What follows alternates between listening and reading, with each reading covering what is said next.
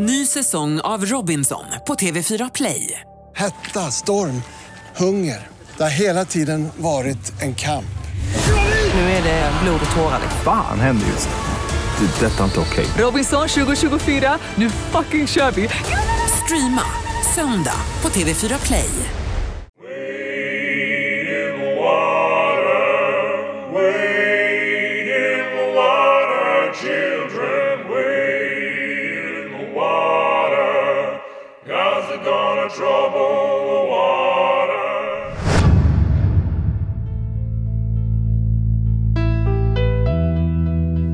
Erika och hennes kompisar sitter i en bil på väg hem från en fest. Det är mitt i natten och plötsligt ser hon något skymta förbi uppe i skogen. När de stannar bilen för att titta vad hon har sett byts den festliga stämningen snabbt ut mot ren och skär skräck. Det var väldigt obehagligt. Ja, för vi trodde ju nästan på en gång då när vi, när vi hittar han att han, han är död. Jag vet inte, det ligger en död människa. Det är den känslan lite man får när man hittar en person mitt i skogen. Välkommen till ett nytt avsnitt av Hjältarna med mig, Jenny Burman. I den här podden hyllar vi personer som ingriper med civilkurage. Vi lär oss av deras erfarenheter och inspireras av deras mod. I det här avsnittet möter du Erika Sandström som såg till att kompisgänget i bilen vände om och kollade upp det konstiga hon skymtat längre upp i skogen. Något som räddade livet på den 18-åring som låg svårt skadad upp i skogen. Den här podden kan du följa på Civilkuragebyrån. Vi finns både på Instagram och på Facebook. Du som lyssnar är varmt välkommen. Nu ska du få lyssna på Erikas berättelse. Vi befinner oss i trakterna kring Ludvika och det är lördag kväll. En ung man sätter sig i förarsätet på en bil och gör sig redo att åka. Han har bara haft körkort i två månader och ikväll ska han agera chaufför och sin storebror som är ute på fest.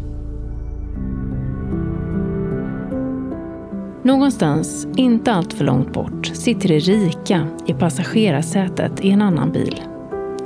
Hennes kompis Carolina sitter bakom ratten och tillsammans ska vännerna också agera chaufförer åt sina killkompisar som även de är ute på fest. Personerna i de båda bilarna har aldrig träffats.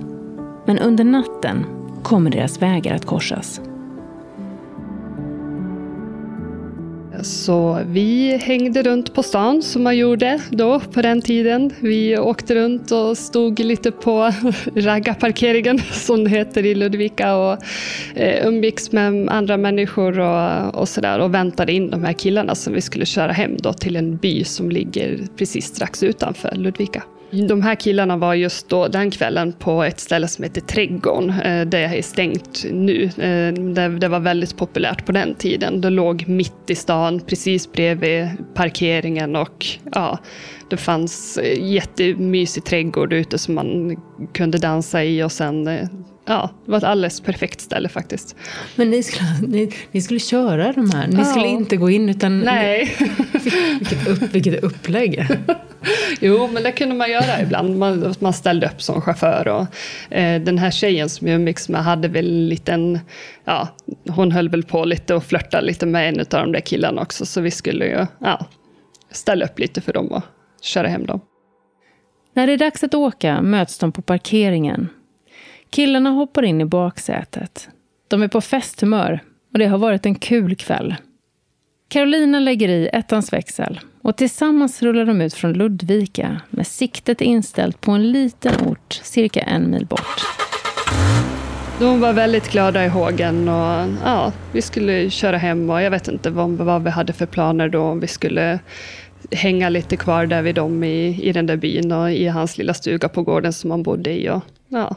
Det finns två vägar som leder till byn. En större väg som är vanligare att man väljer.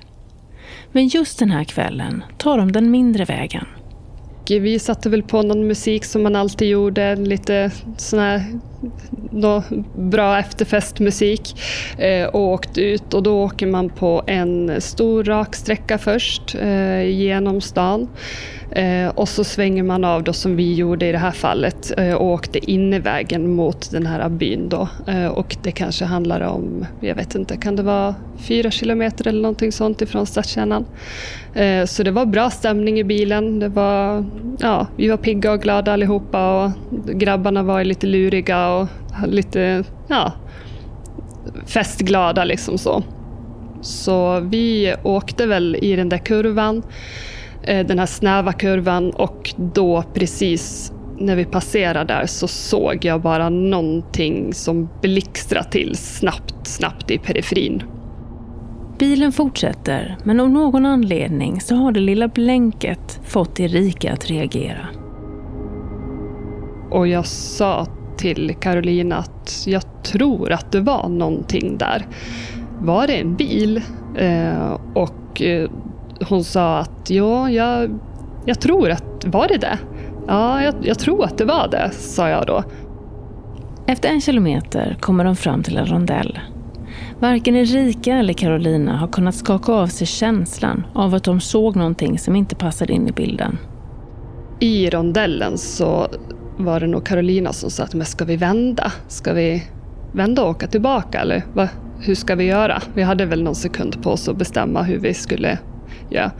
Och vi sa här, vi, vi vänder och åker tillbaks. Och då var hon ju strax efter två då, på natten. Um, och de här grabbarna tyckte väl att, ah, men, ah, ska vi inte åka hem istället? De började väl bli lite trötta och var redo för sängen. Men eh, vi, vi sa, ah, men vi åker tillbaka.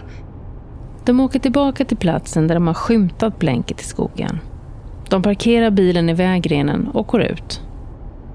När vi hade stannat och parkerat bilen så kunde vi ju se eh, att det låg en bil där helt enkelt. Eh, den, det såg ut som hur som helst när man åker förbi en bil som har varit, ja, någon som har varit med om en olycka. Eh, men man tänker ju att det här är ju en gammal olycka. Så resonerade vi. Så vi skulle väl bara gå ur och vi tänkte väl inte att här är någonting utan vi passade på att ta en cigg bara. Vi konstaterade att här låg det en bil och sen nu kan vi ta en cigg och sen så åker vi vidare sen. Men riktigt så blir det inte. Så jag och Carolina, vi gick ju först och stannade utanför bilen, strax utanför. Vi gick någon meter in där bara och, och tänkte bara Eh, röka en cigarett då, och så, så skulle vi tuffa vidare. Eh, men de här killarna som var med, de, eh, de gick in till bilen och började gå där och, och prata och liksom, ja, åh, här ligger det en bil och oj, här ligger det en sko, var det en av dem som sa och höll upp den. Oj, oj, titta här vad spännande, en sko. Tänk om vi skulle hitta en fot. Det var lite sån där stäm så lattjo stämning. Tills en av dem helt plötsligt bara stannar upp och skriker rakt ut. Det ligger någon här. Vi trodde ju på en gång att han skojade. Att det här är ju inte sant. Han, nu ska han skrämma oss. För att det är ju klart, man står mitt i mörkret. Det var inget gatlyse där eller någonting heller. Mitt i en kurva, mitt i natten. Allt är svart och mörkt. Och, och så tänkte vi att ja, men nu ska han skrämma oss bara. Eh, men sen då ser vi ju att båda de här killarna som var med tog fram sina mobiler och började liksom och skulle ringa 112. Och då förstod vi att men gud, de skojar ju inte. Det, det ligger faktiskt någon här. Ny säsong av Robinson på TV4 Play. Hetta, storm, hunger. Det har hela tiden varit en kamp. Nu är det blod och tårar. Fan händer just det. Det är detta inte okej. Robinson 2024, nu fucking kör vi! Streama söndag på TV4 Play. Poddtips från Podplay. I podden Något Kaiko garanterar östgötarna Brutti och jag, Davva, dig en stor dos skratt. Där följer jag pladask för köttätandet igen. Man är lite som en jävla vampyr. Man har fått lite blodsmak och då måste man ha mer. Udda spaningar, fängslande anekdoter och en och annan arg rant. Jag måste ha mitt kaffe på morgonen för annars är jag ingen trevlig människa. Då är du ingen trevlig människa, punkt. Något Kaiko, hör du på Podplay. Därför är gardinerna. Så vi, vi ser ju vart de står vi ser ju eh, den här killen. Men jag vågar inte i det läget gå fram till killen. Erika blir väldigt rädd. Det är en obehaglig och läskig känsla som kryper sig på. Eh, min känsla precis när jag väntar på ambulansen är ren och skär skräck bara. Alltså jag hade inte varit med om någon eh, sån grej fram tills dess. Eh, och i och med att vi var så övertygade om när vi stannade bilen att det inte skulle vara någon där så vart det liksom en dubbel chock på något vis. Jag vet inte. Eller det var, det var väldigt obehagligt. Ja. För vi trodde ju nästan på en gång då när vi, när vi hittade han att han, han är död. Jag vet inte, det ligger en död människa. Det är den känslan lite man får när man hittar en person mitt i skogen. Killarna har stannat uppe vid kroppen som befinner sig ungefär en till två meter från bilen. I telefonen har de en operatör från SOS Alarm som ger dem instruktioner och berättar hur de ska göra. Så vid det här läget så kände de ju på bilen eh, om den var varm eller om den var kall. Eh, och den var ju iskall. Så det var ju ingen, ingenting som hade hänt nyligen. Eh, och även, jag tror, men det, jag minns inte helt säkert, men jag tror att det var så att de sa att de inte skulle röra han just ifall om det var någonting med nacke eller han låg väldigt illa Eh, till. Eh, utan istället bara prata med han lugnt och det var det de gjorde. De satte sig ner vid han och, eh, och pratade med han lugnt. Och... Det visade sig i efterhand att den unga mannen som de nyss hittat hade lämnat sin kompis vid ett-tiden på natten. 20 minuter senare ringer hans storebror för att bli upphämtad från festen. Men trots flera försök får han inget svar. Olyckan sker alltså någon gång mellan 1 och 20 över 1. Det dröjer däremot före Erika skymtar bilen i skogen. Killarnas samtal till 112 kommer in åtta minuter över två.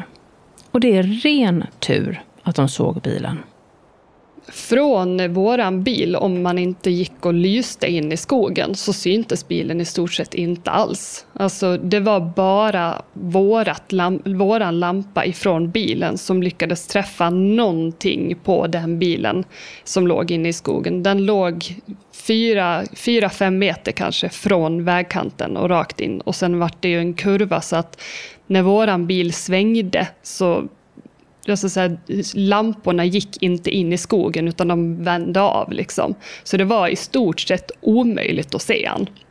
Han låg så illa till. Under tiden som killarna sitter och pratar med den unga mannen stannar Erika och Carolina vid vägrenen för att vara beredda på att vinka in ambulansen. Och det dröjer inte många minuter förrän den är på plats. Sen gick det ju jättesnabbt. De var ju jättefort ute med en bår. Eh, och direkt plockade upp han på den och polisen kom också. Men eh, som jag minns det så var det inte så mycket frågor till oss så, utan det var bara att bra, eh, bra jobbat då, naturligtvis och, och så. Men sen så stack de iväg och där stod vi fyra ungdomar och inte riktigt visste vad vi skulle göra av alla känslor och allt som vi hade varit med om. De går tillbaka till bilen och fortsätter sin färd mot kompisens hus. Stämningen i bilen är nu helt förändrad. Eh, vi sa inte ett ord i stort sett i bilen. Vi var så chockade alla fyra. Eh, så vi åkte ut dit och sen väckte vi eh, hans mamma som låg och sov. Och då var, måste klockan ha varit i alla fall tre, halv fyra, någonting sånt på morgonen. Ehm, och väckte hon och hon vart ju jättechockad också naturligtvis över allt det här. Så att hon satte på kaffe och så satte vi oss alla vid köksbordet och bara ja, men, samtalade om det. Och det, var så, det där är en sån där grej som man minns än idag. Att vi, alltså, vilket bra sätt att hantera alltså, av henne. Att direkt kliva upp, det är jättetrött och sätta på kaffe och sätta sig ner och resonera och, och prata om det som hade hänt. I det läget var det ju väldigt oklart om han skulle det. För att han var ju kall och han var ju, gjorde ju i stort sett inga livstecken överhuvudtaget. Så mycket sådär. Och mycket mycket prat om vad hade hänt. Alltså hur kunde vi se han?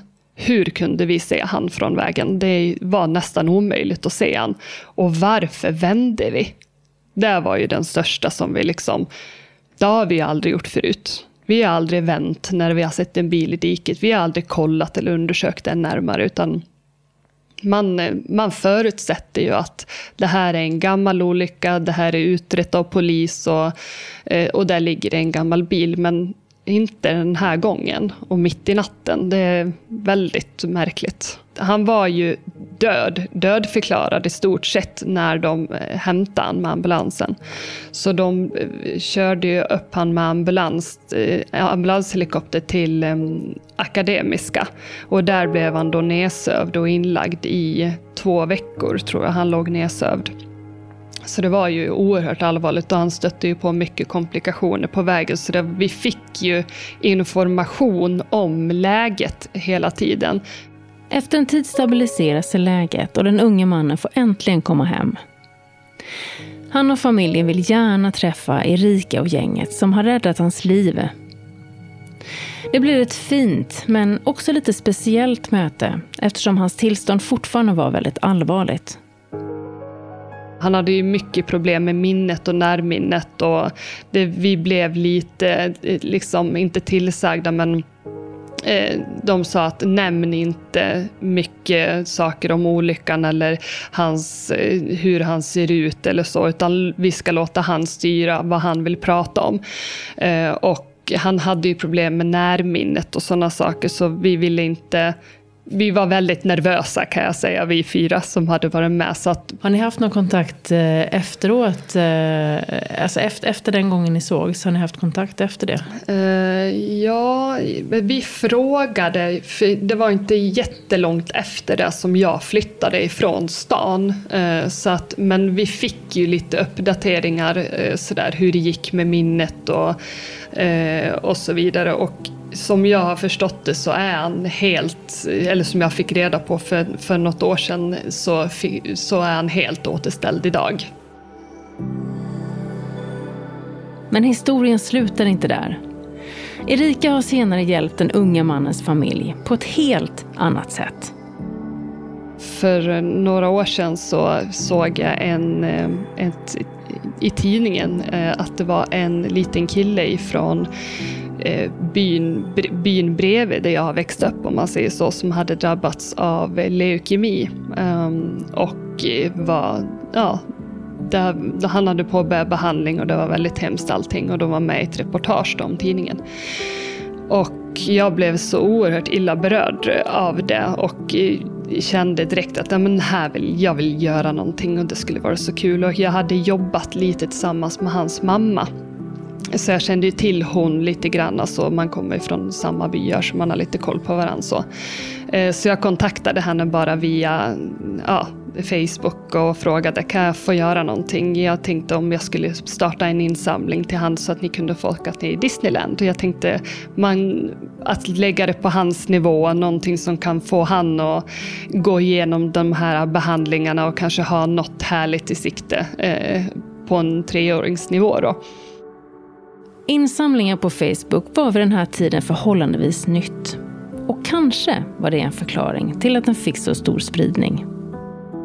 Jag hade som mål att samla in 50 000 för jag tänkte att det kan vara ett rimligt mål att sätta att åka till Disneyland för fyra personer. Jag vet inte riktigt helt vad det kostar men jag tänkte att det kan vara en bra summa. och jag trodde väl kanske inte att det skulle bli sånt genomslag utan jag trodde att det är från byn och från stan och i Dalarna kanske. Men eh, på fem dagar hade vi samlat in 130 000. Och hur gick det med Disneyland-resan? Kom mm. de iväg? De åkte iväg till Disneyland hela familjen och han är ju friskförklarad idag, pojken också. Eh, så det vart ju väldigt, väldigt bra allting eh, de fick en jättefin resa. De fick även lite extra pengar att ha efteråt, för det kostar ju att behandla ett sjukt barn naturligtvis. Eh, men sen allt överskott utöver det sen så skänkte jag 30 000 till Min stora dag eh, och 30 000 till Barncancerfonden, för det hjälper ju även andra barn framöver. Då. Det som gör historien lite speciell, det är att morbror till barnet som Erika samlade in pengar för var ingen mindre än den unge mannen som Erika tidigare räddat livet på då hon upptäckte bilvraket i skogen. Du verkar vara en person som ja, men, har ett stort hjärta och gärna ingriper för andra människor. Vad, vad är liksom ditt bästa tips och råd till hur, hur ska man tänka, tycker du? Det behöver just prompt inte vara att man spektakulära händelser eller att man ingriper i en olycka och sådana där saker är ju också viktigt naturligtvis. Men man kan ju börja med att hjälpa de som är i ens närområde. Jag har en granne här som, som är ganska, lever ganska ensam och en äldre granne. Jag brukar ge han en, en portion mat ibland eller om jag har bakat bullar så knackar jag på och ger han en påse med bullar bara för att. Och man kan alltid se sig omkring i sitt närområde först. Och på det sättet kanske öva upp eh, om man inte har det naturligt i sig, att om vidga vyerna lite. Går du över med en påse bullar? Ja. Du är fan ett föredöme. Ja, men du är fantastisk, du fattar det? Tack. Ja, men jag bara känner att nu ska jag hem och baka bullar. Nej men allvarligt. Nu ska jag hem och baka bullar. Tusen tack för att du var med och berättade din berättelse. Jag tycker att du är helt fantastisk. Tack för att jag Helt fick vara med. fantastisk. Tack. Ja, tack. Okej, okej. Dagens uppgift. In i köket och baka en plåt bullar och sen hittar du en granne som du kan överraska. Nej då, skämt åsido. Det finns ett otroligt stort värde i att visa omtanke i vardagen genom att, som Erika, baka bullar eller hålla upp dörren eller småprata lite i hissen eller när man hämtar posten på morgonen. För precis som Erika säger så kan man faktiskt träna sig i att bli modigare i att ta kontakt. Och när man väl har tagit kontakt, ja men då kanske man inser att det inte är så himla läskigt att räcka ut en hand och med största omtanke höra om allt står rätt till. För genom att vi bryr oss om varandra så skapar vi en känsla av trygghet. Att vi finns där för varandra när det krisar. Och det är bland annat så vi bygger tilliten, vilket är en viktig byggsten för civilkurage. Tack igen Erika för att du delade med dig av din berättelse. Du har lyssnat på mig. Jag heter Jenny Burman från Civilkuragebyrån och jag hoppas att du lyssnar snart igen. Hej då!